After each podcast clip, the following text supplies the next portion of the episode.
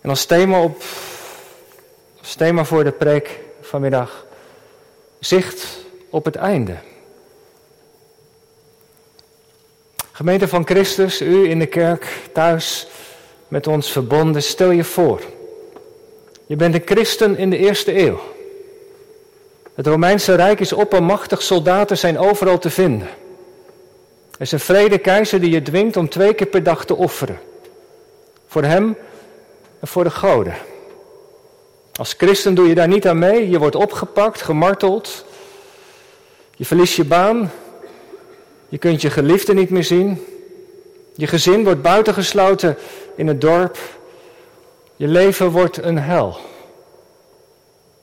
Je wilt trouw zijn aan de Heer Jezus, maar wat is het zwaar? Ik denk dat als dat zo is, dat er dan maar één vraag is die door je hoofd gaat. Deze. Heren, wanneer komt er nou een keer einde aan al dit kwaad? De vraag van de broeders en zussen van de vervolgde kerk. Wanneer doet u recht? En het is op die vraag wat hoofdstuk 14 antwoord geeft. De opmaat was natuurlijk al hevig. Openbaringen 12 over de draak, de strijd met de vrouw. De draak die op de aarde wordt geworpen, die korte tijd heeft en hevig in woede ontsteekt. De gelovige probeert het leven onmogelijk te maken, versterkt door de beesten. Hoofdstuk 13 en hoofdstuk 14 focust helemaal op het lam, op de Heer Jezus. Je moet ze ook in samenhang zien, al dat bittere kwaad. Waar is Jezus en wat gaat hij doen? Nou, daar geeft hoofdstuk 14 een antwoord op. Die bange vraag: gaat God nog een keer recht doen? Hoe lang moeten wij nog wachten?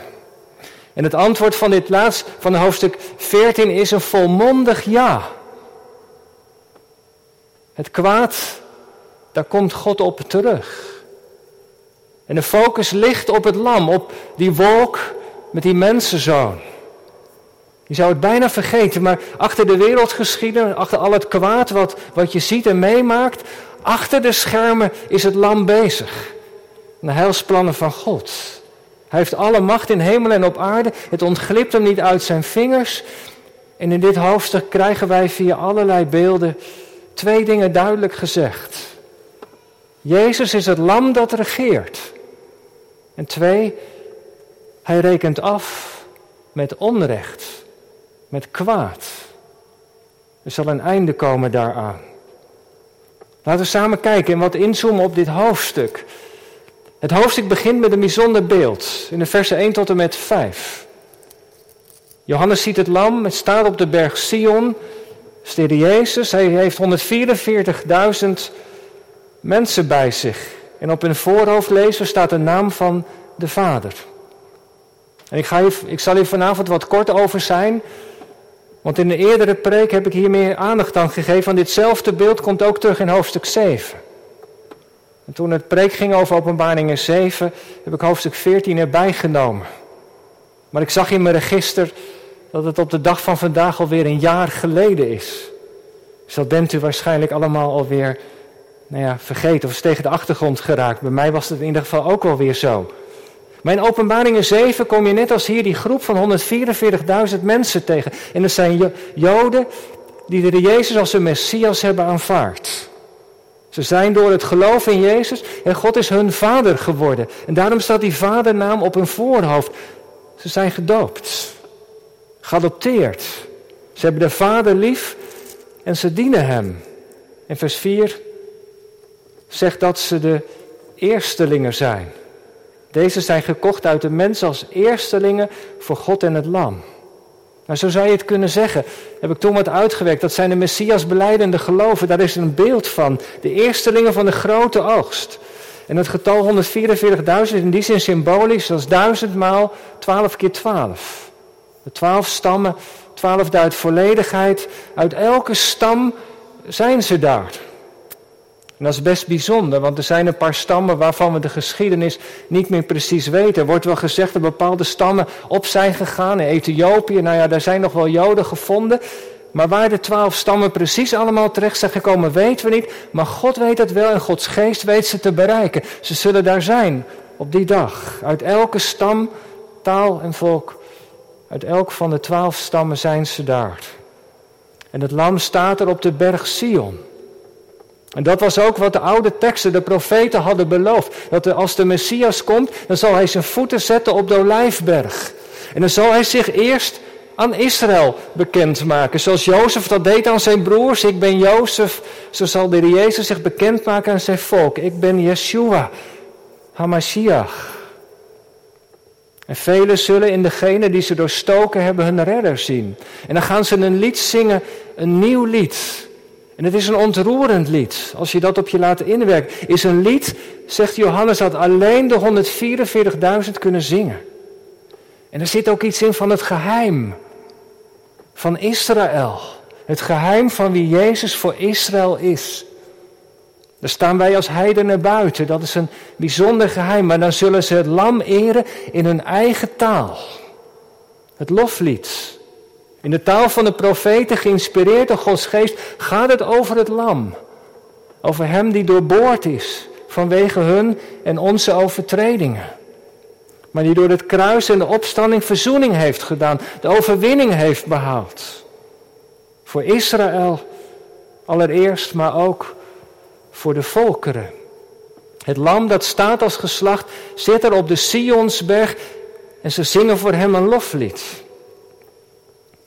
In de Joodse traditie is gezegd, een van de rabbijnen, dit, ik citeer, een nieuw lied zal Israël pas weer zingen in de dagen van de Messias.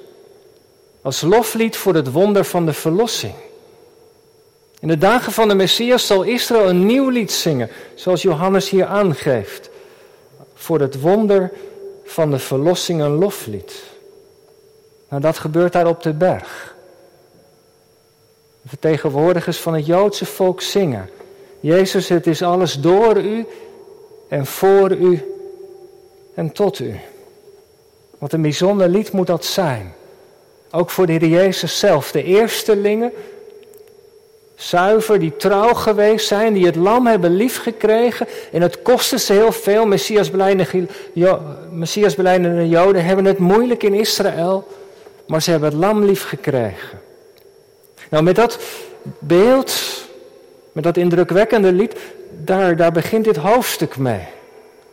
En waarom zou Johannes daar nu mee beginnen, vroeg ik mezelf af. Na al die verschrikkelijke beelden, en er zullen nog een paar volgen, richt hij de aandacht, om zo te zeggen, op die 144.000 op het lam. En ik denk dat dit de boodschap is. Om aan iedereen te laten zien dat God trouw is aan zijn volk Israël, dat God trouw is aan wat hij vroeger had beloofd. Dat is het, denk ik. Dat oude volk Israël met heel die moeilijke levensgang, die moeilijke geschiedenis, God is dat volk niet vergeten. Hij heeft het in zijn hand. Het visioen staat dus dat God trouw is aan zijn oude belofte, aan het oude verbond, aan Israël. God is al die beloften nagekomen uit dat volk. Dat nageslag van Abraham zullen daar mensen staan. Met een loflied voor het lam. En dat laat dus zien aan gelovigen uit de heiden, aan ons, dat God trouw is. Zoals hij dat met Israël zal zijn, zegt Johannes, dat is een strekking, zal hij dat ook met ons doen. Wij, die op dit moment hier op aarde met de draak en het beest te maken hebben. De gelovigen van het eerste uur natuurlijk in het bijzonder. En nadat Johannes dat dan als het ware heeft laten zien over die trouw van God, daarom zingen we dat ook in dat slotlied vandaag, gaat hij vervolgens verder vanaf vers 6. Drie engelen, dan het beeld van de mensenzoon en dan weer drie engelen. En Johannes vertelt het chronologisch, de ene engel na de ander. En het lijkt wel alsof het allemaal na elkaar plaatsvindt. Maar dat is niet zo.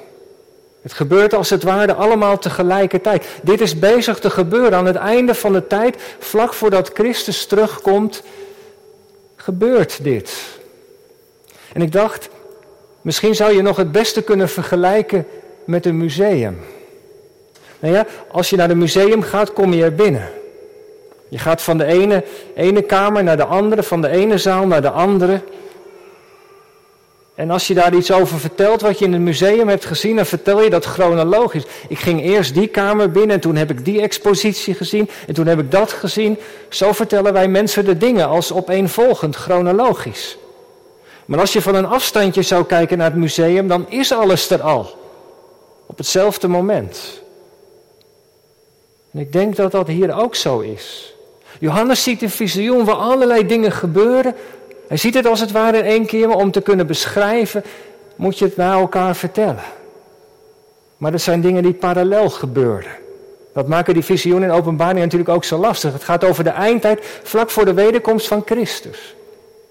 Maar als we deze beelden van die drie engelen, van de mensenzoon, die nog een keer drie engelen op ons laten inwerken, dan zijn er twee hoofdgedachten. Er is een bemoediging, maar er is ook een waarschuwing.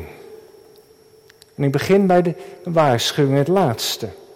Het zijn beelden over het oordeel van God. Want dat was de vraag van de gelovigen in het eerste uur. Het is de vraag van, van de mensen die geloven in een moslimland of de volgde christen. Gaat God nog ingrijpen?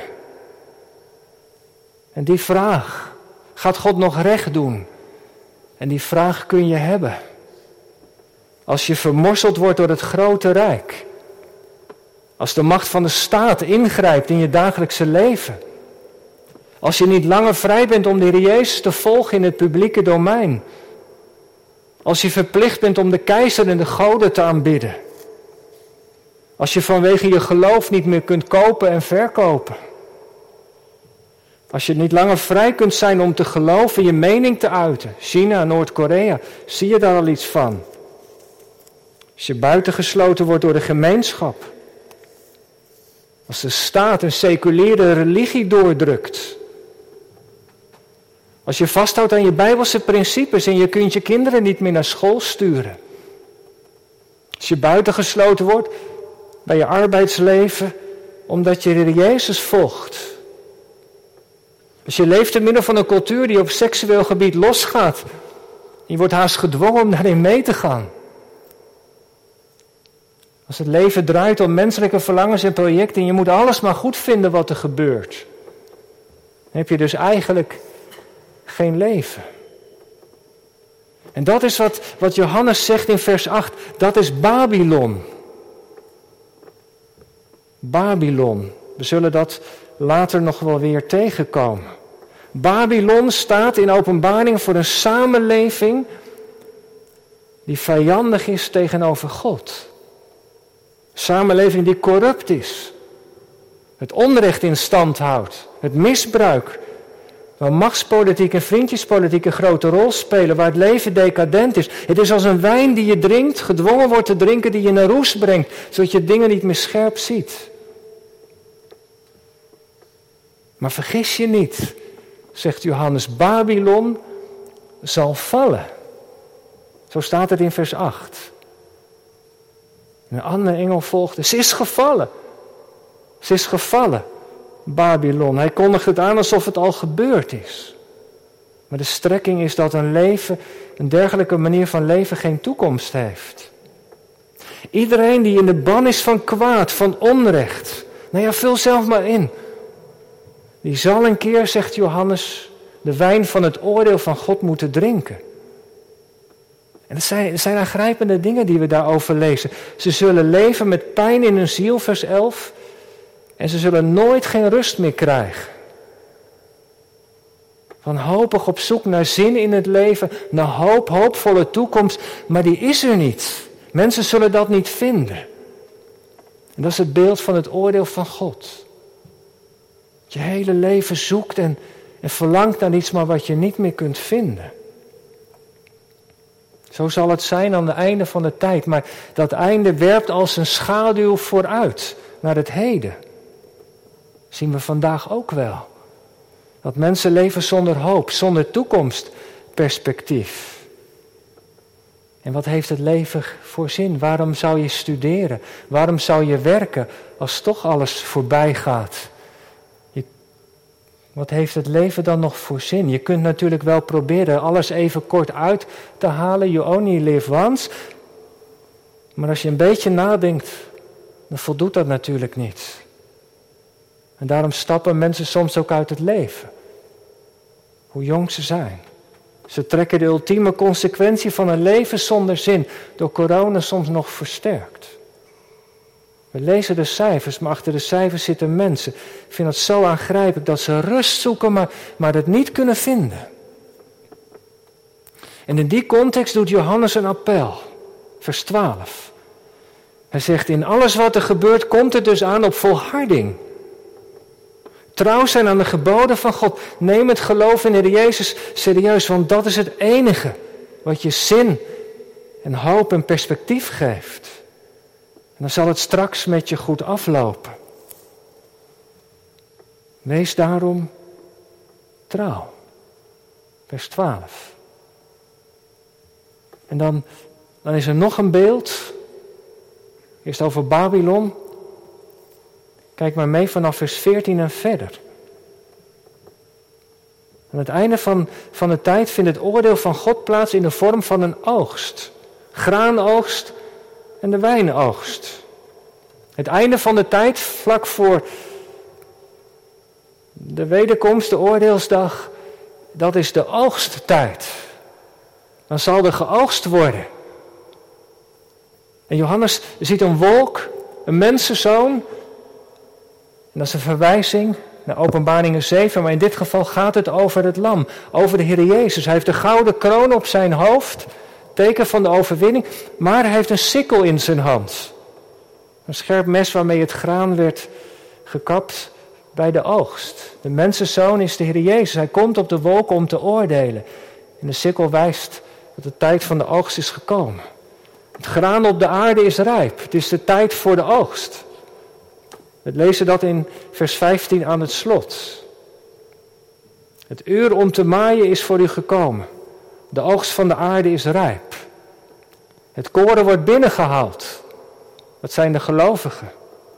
Het zijn de mensen die in alles trouw bleven aan de Heer Jezus. Ze worden gered. Maar er is ook onkruid. Dat zal worden samengebonden en verbrand. Wie uit was op kwaad, wie slechts leefde voor zichzelf ten koste van anderen, voor die is er in Gods nieuwe wereld geen plek. En dan wordt het beeld zelfs nog aangrijpender. Want van de graanoogst gaat het naar de druivenoogst. Druiven worden naar de oogst verzameld, in een bak gegooid en dan worden ze met voeten geplet. Zo gaat het. Het sap wordt opgevangen, wordt wijn van gemaakt. Maar hier gaat het over druiven die object zijn van de toren van God. Het zijn zure en wrange druiven. Dat zijn mensen die door de manier van leven de toren van God over hun leven hebben opgeroepen. Ze worden als druiven geplet. De wijnpersbak staat buiten de stad. Binnen de stad zijn er mensen die gered worden, maar buiten de stad worden ze verzameld. En dan worden ze geplet. Ik vind het een huiveringwekkend beeld. Ja, de gelovigen van het eerste uur, waar Johannes voor schrijft, hebben dat natuurlijk in hun dagelijkse leven wel veel gezien. Wat is er in het grote Romeinse Rijk veel bloed vergoten? Het kwaad was alomtegenwoordig. Zeker in tijden van vervolging. Maar in diezelfde beeldtaal die de gelovigen van toen, de hoorders, de lezers van, van dit laatste Bijbel kennen, lezen we nu over de toren van God. Die kwaad en onrecht zal straffen, hoe machtig ook iemand is, God zal recht doen. Hij komt erop terug. Op alles. Kwaad, op onrecht, op misbruik en al die dingen die het leven van mensen zo kapot hebben gemaakt.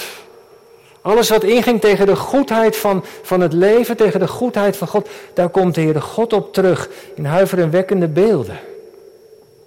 Alles komt aan het licht. Voordat God alle dingen nieuw gaat maken, zal Christus komen om te oordelen de levenden en de doden.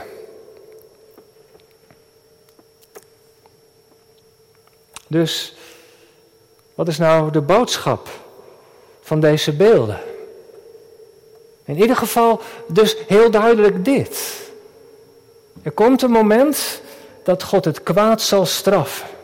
Wees daarvan verzekerd. Al het onrecht wat je hebt meegemaakt, wat je hebt gezien, wat je is aangedaan, daar komt de Heere God op terug. Hij heeft het gezien.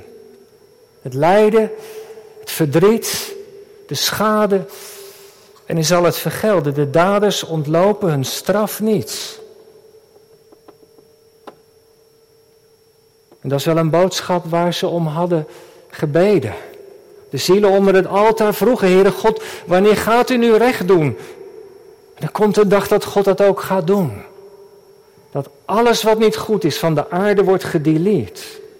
En als mensen niet zich laten gezeggen, maar in de ban zijn van kwaad, misbruik, onrecht, daar zal God zijn oordeel over uitspreken. Zie je dat wat op je laten inwerken? Je kunt wel over anderen spreken, maar het trof mijzelf ook wel. Het komt als het ware als een boemerang ook even naar jezelf toe. Want tegelijk voelen we ook wel aan als God het kwaad zo serieus neemt. Waar sta ik dan eigenlijk?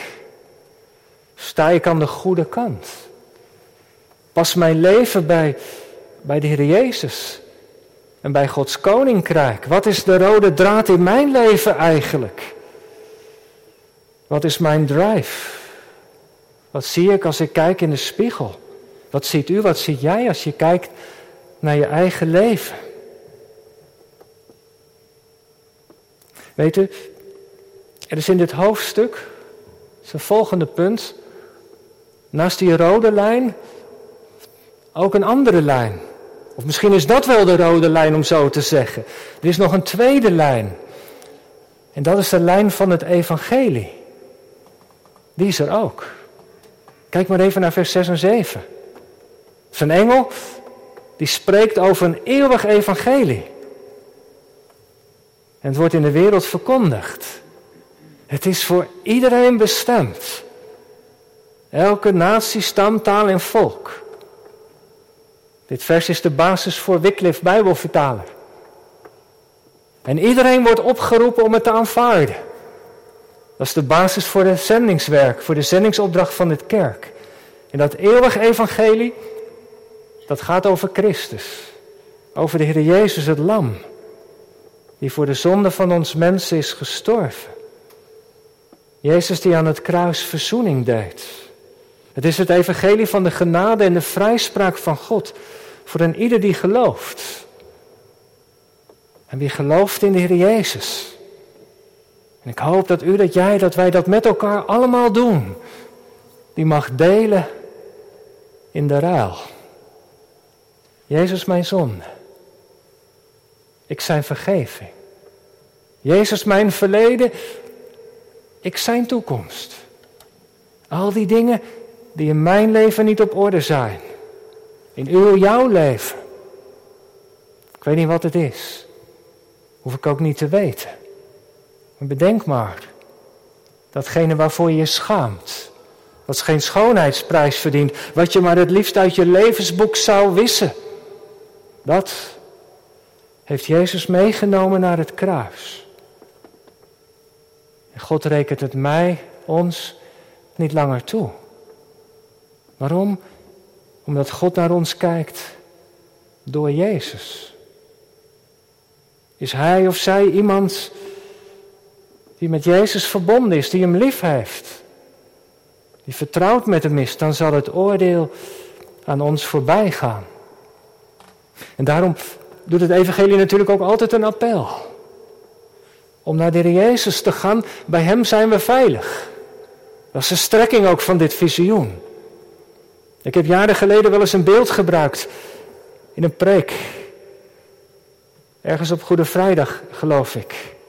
Over de Indianen. Dat je, die Indianen die in de hadden soms op de, als ze op de prairie woonden wel last van, van, van prairiebranden. En dan door de hevige wind werd het aangewakkerd en dan kwam er een groot vuur een kant op. Wat deden ze rond de tentenkamp? Staken ze de grond alvast in de brand. Zodat alles wat brandbaar was, was uitgebrand. Als dan de preriebrand kwam, dan had het op het kamp geen vat. Dan zaten ze als het ware in een veilige cirkel. Nou, Jezus is die cirkel. Bij Hem zijn we veilig. En natuurlijk komt het aan op volharden, trouw zijn aan de geboden van God. Maar daar hangt onze redding niet van af. Christus heeft het oordeel gedragen. We worden uitgenodigd om bij het lam te zijn, aan zijn voeten. Om het lam te volgen, dan, dan mogen we vrij uitgaan. Ja, dan is er zelfs ook de troost. De troost van Gods nabijheid in het heden en ook van de toekomst. Vers 13. Zalig zijn de doden die in de Here sterven. Met Jezus door het oordeel heen in de heerlijkheid. Een einde van alle inspanning, einde van alle gebrokenheid, van al die worsteling waar je niet uitkwam. Alles wat een delen is, daar is rust en vrede. Er staat ook nog bij, en ze nemen hun daden mee. Alles wat Gods geest door ons tot stand heeft gebracht. Alles wat uit liefde voor de Jezus is gedaan. Hoe je na, je naast hebt omgezien. Dat kleine beetje, die bekerwater. God heeft het gezien. En het zal blijven bestaan. Zijn parel op de kroon van de genade. Gemeente, zicht op het einde. Het thema van de preek. Het kwaad gaat voorbij. En wie leeft met Jezus, die zal blijven. En daarom gaan we daar zo ook over zingen. Ik pak nog even het slotlied erbij. Ik roem in mijn God, ik zing van zijn trouw. De Heer is mijn rots waar ik altijd op bouw. Hij zal mij nabij zijn in leven en dood. En sterkt mij onderweg met beker en brood. Ja, zo kunnen we avondmaal vieren volgende week. Dankzij de Heer Jezus. Zullen we daar amen op zeggen? Amen.